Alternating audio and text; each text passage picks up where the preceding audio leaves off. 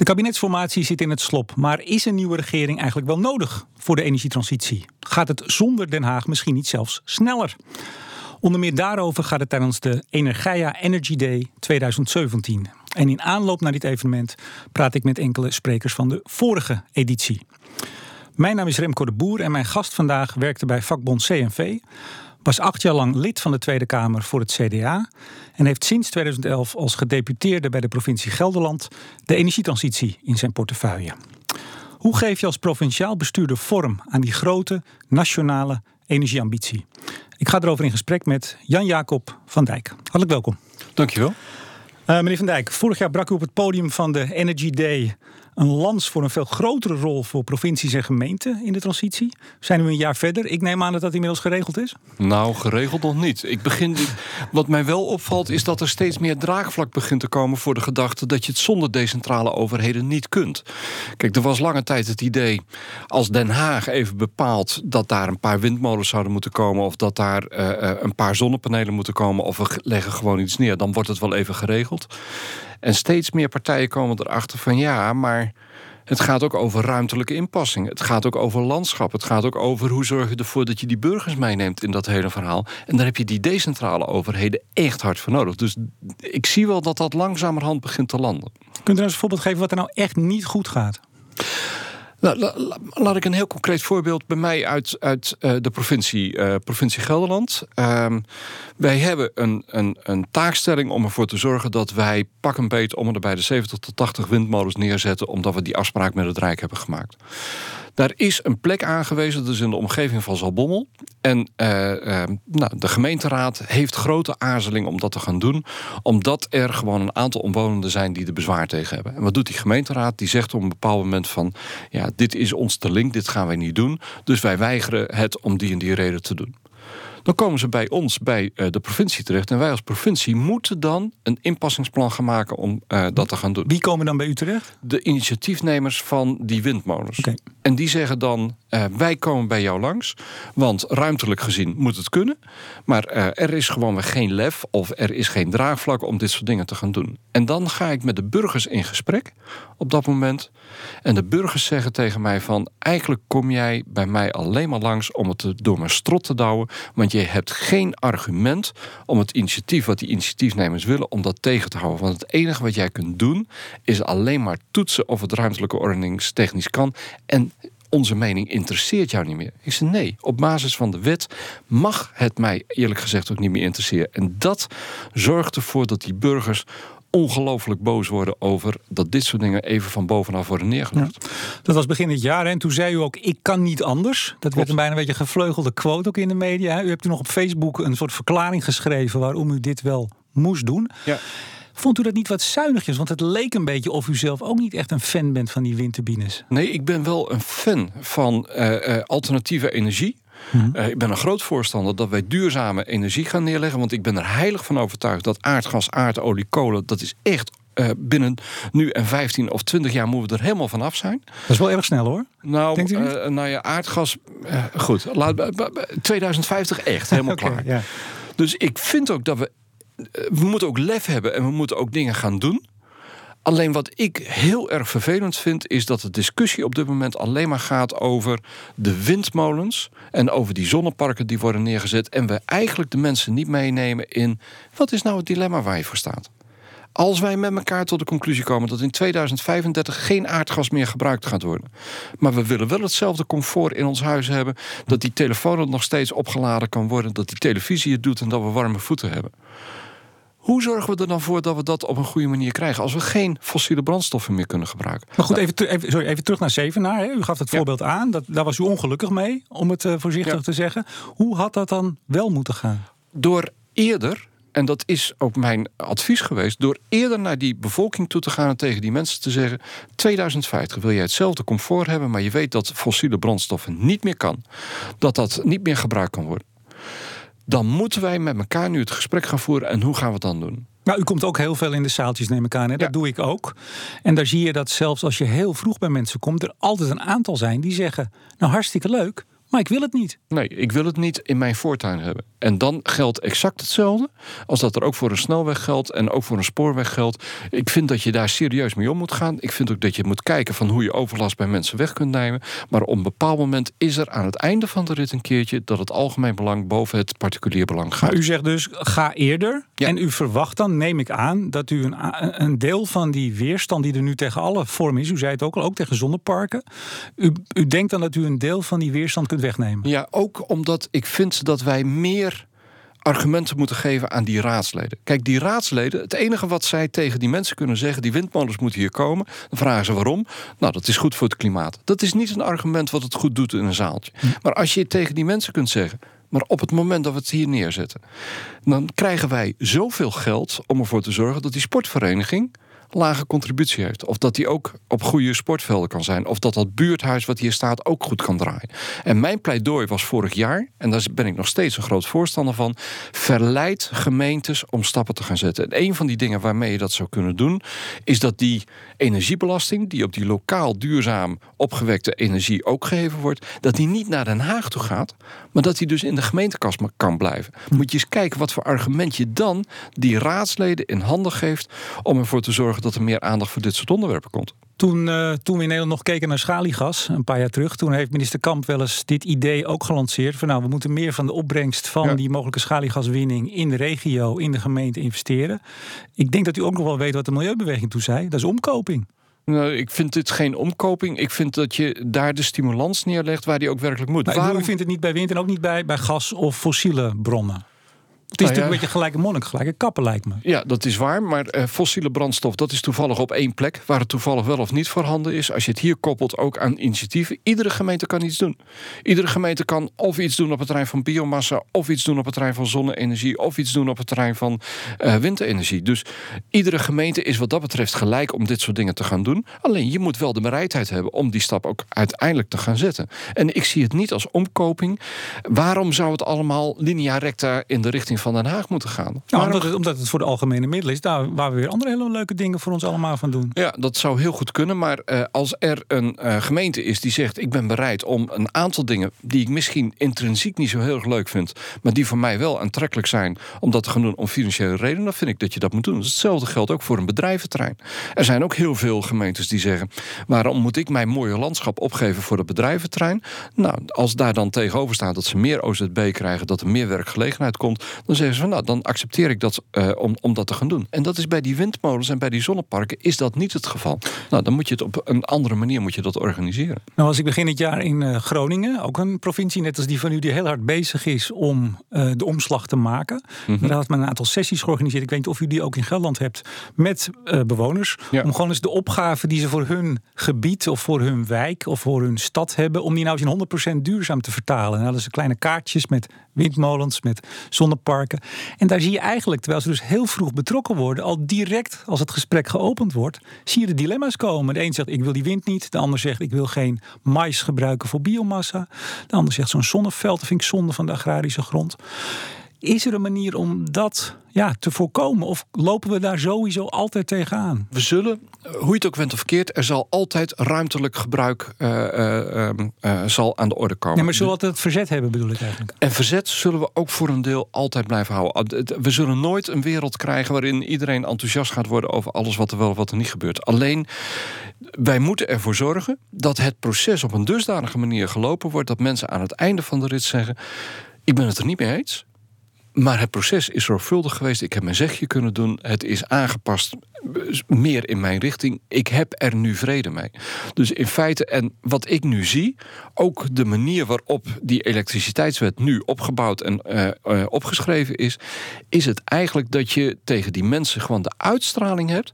Je kunt hoog en je kunt laag springen. Het maakt me helemaal geen bal uit wat je wel of wat je niet vindt. Maar draagvlak is iets waar ik helemaal niks mee kan. Ik moet alleen maar toetsen of het toevallig past in deze ruimtelijke organisatie En dat vind ik een ongelooflijk ingewikkeld, lastig en vervelende positie die ik dan als provinciaal bestuurder heb. Hebt u het nu niet over een situatie die we een aantal jaar geleden zeker vaker hadden? Maar gebeurt er nu niet veel meer? Worden mensen niet al veel meer en eerder betrokken? Gelukkig zie ik dat er geleerd wordt. Uh, want eh, waar ik nu tegenaan loop zijn voor een groot gedeelte initiatieven die pak een beet uh, 7, 8, 9 jaar geleden begonnen zijn. En dat we daar nu een aantal dingen nu zien. Aan de andere kant, ook nu zie ik nog wel een aantal initiatiefnemers die wat dat betreft wel, nou ja, ook wel redelijk lui en zich comfortabel voelen. En het gevoel hebben van, nou ja, waarom moet ik hier nou zo hard aan werken? Ik ga naar die gemeente toe, die wijst het af. En dan kom ik bij de provincie en die kan het niet afwijzen. En dat vind ik dan, dat gedrag zie ik ook wel eens op sommige plekken terugkomen. Dat toch die zorgvuldigheid er niet zo heel erg nadrukkelijk in zit. En er is één element, en volgens mij hebben we dat wel geleerd in de afgelopen pak een beet uh, uh, twee, drie jaar. Ik doe dit dossier nu sinds 2015. Uh, en daarvoor leek het heel erg dat energietransitie is een technologisch vraagstuk. We moeten een paar windmolentjes neerzetten, we doen nog wat met zonnepanelen en dan komt het wel goed. Mm -hmm. En eigenlijk komen we steeds meer tot de conclusie: het is één grote sociaal-maatschappelijke transitie. Wij vragen zoveel van mensen. Je moet stoppen met koken op gas. Nou, wanneer ik bij een keukenboer kom, toevallig moet ik voor een aardigblad, uh, ben ik nu bezig om te kijken hoe of wat. Het eerste wat mij aangeboden wordt is een gasplaat. En het tweede uh, aardigblad is ook een gasplaat. Dus mm -hmm. elke keer, nou, dat moet elektrisch koken of inductiekoken moeten voor in de plaats komen. Nou, dat gedrag, die, die gasketel, uh, die ik drie jaar geleden heb vervangen. Ik ben afgegaan op het advies van mijn goede monteur, die dag en nacht voor mij klaarstaat. Ja. Maar die komt niet met een verhaal omtrent warmtepompen of andere dingen. Dus u zegt daar dus, moeten we nog ja. veel meer aan doen. U zegt het is een sociale transitie. Uh, u, u, pleit er ook voor dat gemeenten en provincies zelf energieakkoorden gaan maken. Ja. Want de situatie die u net schetst met die windturbines, dan komt er een initiatiefnemer. Iemand ja. die het wil bouwen. Begrijp ik u dan goed dat u ook eigenlijk wil dat overheden veel meer het initiatief nemen van nou we willen hier wind en daar niet en we willen hier zon en daar niet? Of? Dat, nee, u moet het meer zien uh, in de zin van dat wij als uh, uh, gemeenten, provincies en waterschappen gezegd hebben het komt altijd bij ons terecht. Het heeft altijd iets met ruimte te maken of het heeft iets te maken met een goede discussie met de bevolking. Daar zijn wij goed in. Dat kunnen wij. Geef ons nou de verantwoordelijkheid. Geef ons de ruimte om dat soort dingen nu van de grond op te pakken. En wij wie, gaan... wie bepaalt nou of er ergens een windpark gaat komen? Of wie neemt het initiatief? Of hoe ziet u dat? De bevolking. De bevolking. Oh jee, ja, zeg ik dan. Ja, oh jee, zegt u dan. Ik wil dus niet het gesprek aangaan met de bevolking door te zeggen: ik kom bij je langs en ik moet eventjes kijken of er voldoende draagvlak is voor drie windmolens. Ik ga bij de bevolking langs en we hebben daar ervaring mee. Ik ga bij de bevolking langs om duidelijk te maken: ik wil in 2050 datzelfde comfort hebben. En wat gaan we dan doen? Wat is go area en wat is een no-go area? Ja, maar toch even concreet. Komt u dan net als in Groningen en zegt u dan voor het EGI, want dat was nog een gesimuleerd spel, zegt u dan: nou, we hebben een opgave voor uw gebied van zoveel. Als u dat niet wilt, uh, dan krijgt u in 2050 geen voeten, et cetera. En laat u dan echt de mensen kiezen wat ze willen? Laat ik u een voorbeeld geven, niet uit Groningen, maar uh, uit mijn provincie, Beuningen. In de gemeente Beuningen was men begonnen met een verhaal neer te zetten: wij willen hier vier windmolens. De bevolking kwam compleet in opstand. Die nee, maar die, nee, maar die hebben we gehad. De, maar, maar, nu even de andere kant. Hè? Nee, dus, dus nee. niet de gemeente, maar de bewoners moeten, wat u betreft, zeggen: dit willen we. Ja, de, de, daarom. Ja, ja, dus er werd gezegd: vier windmolens, we doen het niet. Dan hebben we alles teruggetrokken. En toen zijn we daarna de zogeheten appeltaartgesprekken gaan voeren. We zijn bij bewoners langs gegaan met een appeltaart en gevraagd mogen we met u aan de keukentafel praten over hoe dat nou precies zit. En die hebben uiteindelijk, dat heeft een jaar gekost, hebben daar een energievisie neergelegd. Een transitieplan, wat unaniem door de Raad is aangenomen, waarvan ze nu tot de conclusie komen: met vier windmolens redden we het niet. We hebben er tien nodig. En daar is dus draagvlak in de politiek voor gekomen om die stap nu te gaan zetten. En ook bij de bewoners. En gebaseerd op de bewoners. En nu kom je straks natuurlijk in de fase van... en we gaan er daar een aantal neerzetten. Dan zal er nog wel weer discussie komen van... ja, waarom moeten ze hier en waarom niet twee huizen? Maar, dat, maar, daar, maar, maar daar hebt u nou precies het cruciale punt te pakken. Zolang het plannen zijn van we moeten zoveel, dan is het goed. Maar zodra, en dat weet u ook... zodra de plek is aangewezen... zodra het, zodra het in de lokale krant staat waar het komt dan heb je de pop aan dansen. Nee, 9 van de 10 keer heb je ze veel eerder aan het dansen. De discussie is, waarom hebben we ze nodig? Een klimaatprobleem. Dat is jouw probleem, dat is niet mijn probleem. En die fase zijn we voorbij. In Beuningen is die fase dat men zegt van ja, we snappen dat hier het een en ander moet gebeuren. En wij willen ze nu faciliteren om ervoor te zorgen dat het op die plekken komt te staan waarvan de overgrote meerderheid zegt van oké, en hier gaan we het uiteindelijk wel doen. Is iedereen dan direct enthousiast? Nee, dat is niet zo. Maar we hebben dat in Nijmegen ook gedaan. Daar hebben we vier windmolens neergezet. Er was ook verzet van een aantal mensen eromheen. Maar die zijn zo zorgvuldig in het hele proces meegenomen dat ze niet naar de Raad van State zijn gegaan omdat ze zeiden we vinden het niet leuk, maar we snappen het en we hebben een zorgvuldig onze rol in het proces mee kunnen doen om deze stap te zetten. En dan kom je een stap verder. Positieve lessen dus, begrijp je? Ja, positieve lessen hebben wij in ieder geval in Gelderland. Okay.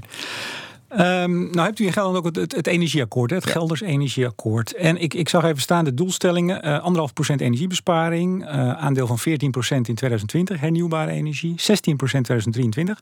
Is het nou toeval dat het exact de nationale doelstelling is? Nee, dat is niet volstrekt uh, toeval. Daar is... U hebt een kopietje, copy-paste? Nee, nee, nee, nee, nee, nee. Nee, omdat we weten...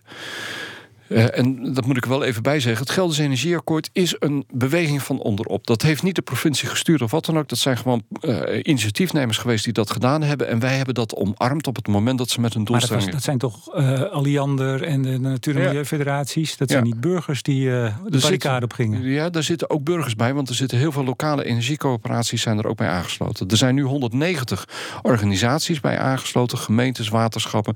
Maar vooral ook bedrijven en lokale energiecoöperaties. Die clubs die hebben uh, uiteindelijk hadden ze donders goed in de gaten dat 14% in 2020 is nog wel een opgave. Als, als we zien waar we nu staan met 6%, nou dan moeten we nog 10% weten te realiseren. Hoe zit u in Gelderland dit moment? Want dat, dat heb ik nog even proberen op te zoeken. Want nationaal is het in dat 5,9 werd uh, onlangs bekend. Hoe ver staat u in Gelderland? Ik moet je eerlijk bekennen dat ik de laatste cijfers niet heb. Nou, dat vond ik wel een beetje een dingetje. Want ik heb dus heel erg zitten zoeken ernaar. En je, er zijn wel meer van dit soort initiatieven en akkoorden van overheden. En dan is het altijd heel erg. Nou ja, duister zou ik soms zeggen. Ten eerste waar ze stonden toen ze begonnen. Nou, waar ze heen willen is altijd wel duidelijk. En waar we in de tussentijd staan. Want waar staat u nu in Gelderland? Wij staan, als je mij vraagt, halen jullie in 2020 zo even die uh, uh, 14% Dan zeg ik van dat wordt nog een heidens karwei om dat voor elkaar dat te is, krijgen. Dat is een politicus die zegt dat gaat niet lukken. Ja, ik ben bestuurder. Uh, ik, ik, ik, ik, ik zal me niet. Zegt, nee, niet ik denk echt, uh, net zoals uh, Hans van Breukel heeft gezegd over het nationaal elftaal, haal, halen we nog het WK. Nou, we hebben een klein wondertje nodig om ervoor te zorgen dat we dat voor elkaar krijgen. En dat heeft met twee dingen te maken.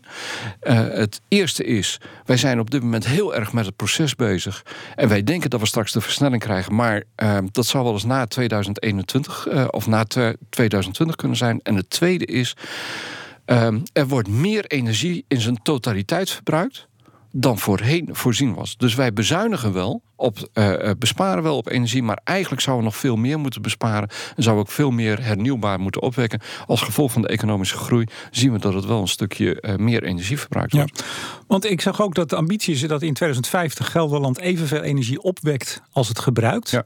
Die ambitie zie ik ook bij soms dorpen, kleine, ja. kleine gemeenten. Maar dat is toch eigenlijk helemaal niet zo logisch. Want als Nederland gaan bijvoorbeeld een heel veel stroom van de Noordzee halen, van de grote offshore windparken iedere gemeente of provincie hoeft toch niet autarkisch te zijn en helemaal te voorzien in zijn eigen behoeften? Nee, dat klopt. Uh, dus uh, ik denk dat het op zich goed is om de bewustwording te hebben dat je zegt van ik wil in 2050 energie-neutraal zijn. We weten dat er gewoonweg met name uh, hele energie-intensieve industrieën dat het verrekte lastig is om dat zomaar eventjes voor elkaar te krijgen met lokaal opgewekte. Daar hebben we echt datgene wat er op de Noordzee gebeurt, hebben we ook nodig om dat soort dingen te gaan doen. Maar ik vind hem wel belangrijk om hem nu te laten staan, zodat niemand uh, onder die verantwoordelijkheid en onder die, die, die, die uh, taak uit kan komen en kan zeggen van weet je wat, ik doe even niks. Nee, maar mensen lezen ook de krant en die denken op een gegeven moment, ja Van Dijk, dat kan je nou wel zeggen dat we dat allemaal zelf moeten doen, maar kom op zeg, haal het maar lekker van, uh, van de Noordzee af, ja, niet bij mijn achtertuin. Ja, dat is een van de argumenten die ik ook wel hoor van waarom moet ik een paar van die windmolens hebben van doe het allemaal maar vanaf de Noordzee. En waarom moeten wij het voor de Randstad opwekken? Dat hoor ik ook heel vaak. Ja, nou, zover zijn we nog lang niet. Gelukkig. dus wij moeten nog veel en veel meer opwekken om überhaupt uh, wat te kunnen exporteren. Kijk, er zijn. Uh, het is een illusie om te denken dat wij het alleen maar kunnen doen met uh, de, of, of dat windmolens op zee dat dat voldoende is om het te gaan doen. Wij zullen echt meer moeten doen, ook lokaal ook op land, om daar de goede dingen uiteindelijk te gaan doen. Niemand kan onder die verantwoordelijkheid uit. Dus dat is één element. Een tweede is. Wat mij opvalt is dat er nog te weinig het economische voordeel wordt, be, uh, uh, wordt uh, benoemd op het moment dat we nu echt zwaar gaan investeren, ook op die energietransitie. Want als we er nu zwaar op inzetten, dan zou dat economisch gezien wel eens ongelooflijk veel voorsprong kunnen opleveren ten opzichte van andere landen en ten opzichte van andere bedrijven om stappen te zetten. Dus je moet het niet zien als een kostenpost, maar juist als een goede investering om er straks helemaal klaar te zijn. Ja. Het is een investering, maar het kost ook geld, zeg ik altijd. Het kost altijd geld, maar elke investering kost in het begin geld, want de kost gaat voor de baat ja. uit. Ik zat nog even, ik vroeg u net naar waar staat u nu? En ik heb nog geen percentage uh, gehoord, maar misschien komt het straks nog. We, zijn, we hebben nog een paar minuten. Maar ik heb even op de, op de site van het Gelders Energieakkoord zitten kijken. Want er staat heel keurig, uh, ik geloof dat u 24 uh, thema- en programmatafels ja. hebt.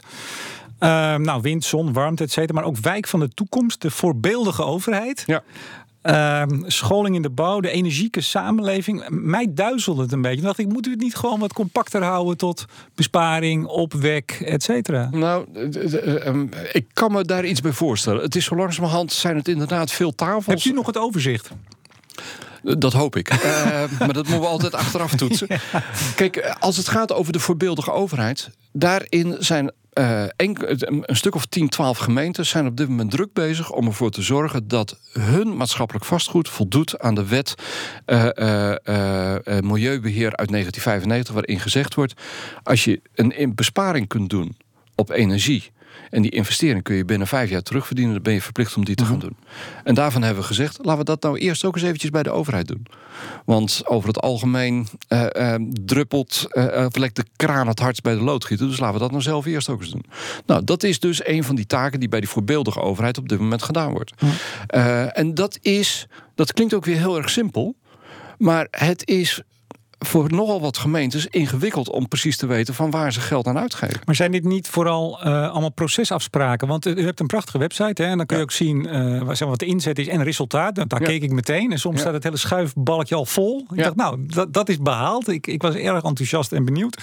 Maar er staat, ja, er is een enquête ingevuld, er zijn afspraken uh, gestart, er is onderzoek gedaan en dat staat dan als volledig eigenlijk resultaat klaar dat deed mij een beetje denken aan wat ik al zeg. Dat dat vooral toch procesafspraken. Ja. Jeremy Rifkin komt, zag ik op een gegeven moment staan als resultaat.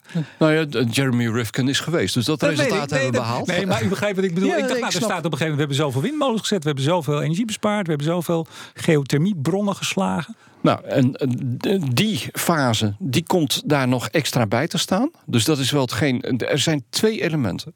Ene element is dat we zeggen van. Uh, eigenlijk is energietransitie in deze fase ook nog heel erg veel proces. We hebben heel veel proces nodig om ervoor te kunnen zorgen dat we straks die concrete windmolens. of die zonnepanelen of die energiebesparing kunnen gaan doen. En dat is af en toe bekruipt mij ook wel het ongeduld van. kom op jongens, uh, laten we dat nou doen. Ja, bij zon en wind staat op het balkje behaald resultaat nog nul. Dus ja, dat... omdat dat niet zozeer iets is wat door GEA gedaan wordt, maar wat buiten GEA om al in belangrijke mate gedaan wordt. Dus uh, de tafel wint bij uh, GEA is veel meer. Wat hebben wij nu nog nodig om ervoor te zorgen dat wanneer er een initiatief komt, dat die snel geholpen kan worden? Ja, want, want dat is eigenlijk uw rol. Hè? U kunt verder, u kunt geen windmolenparken bouwen. U kunt hoogstands.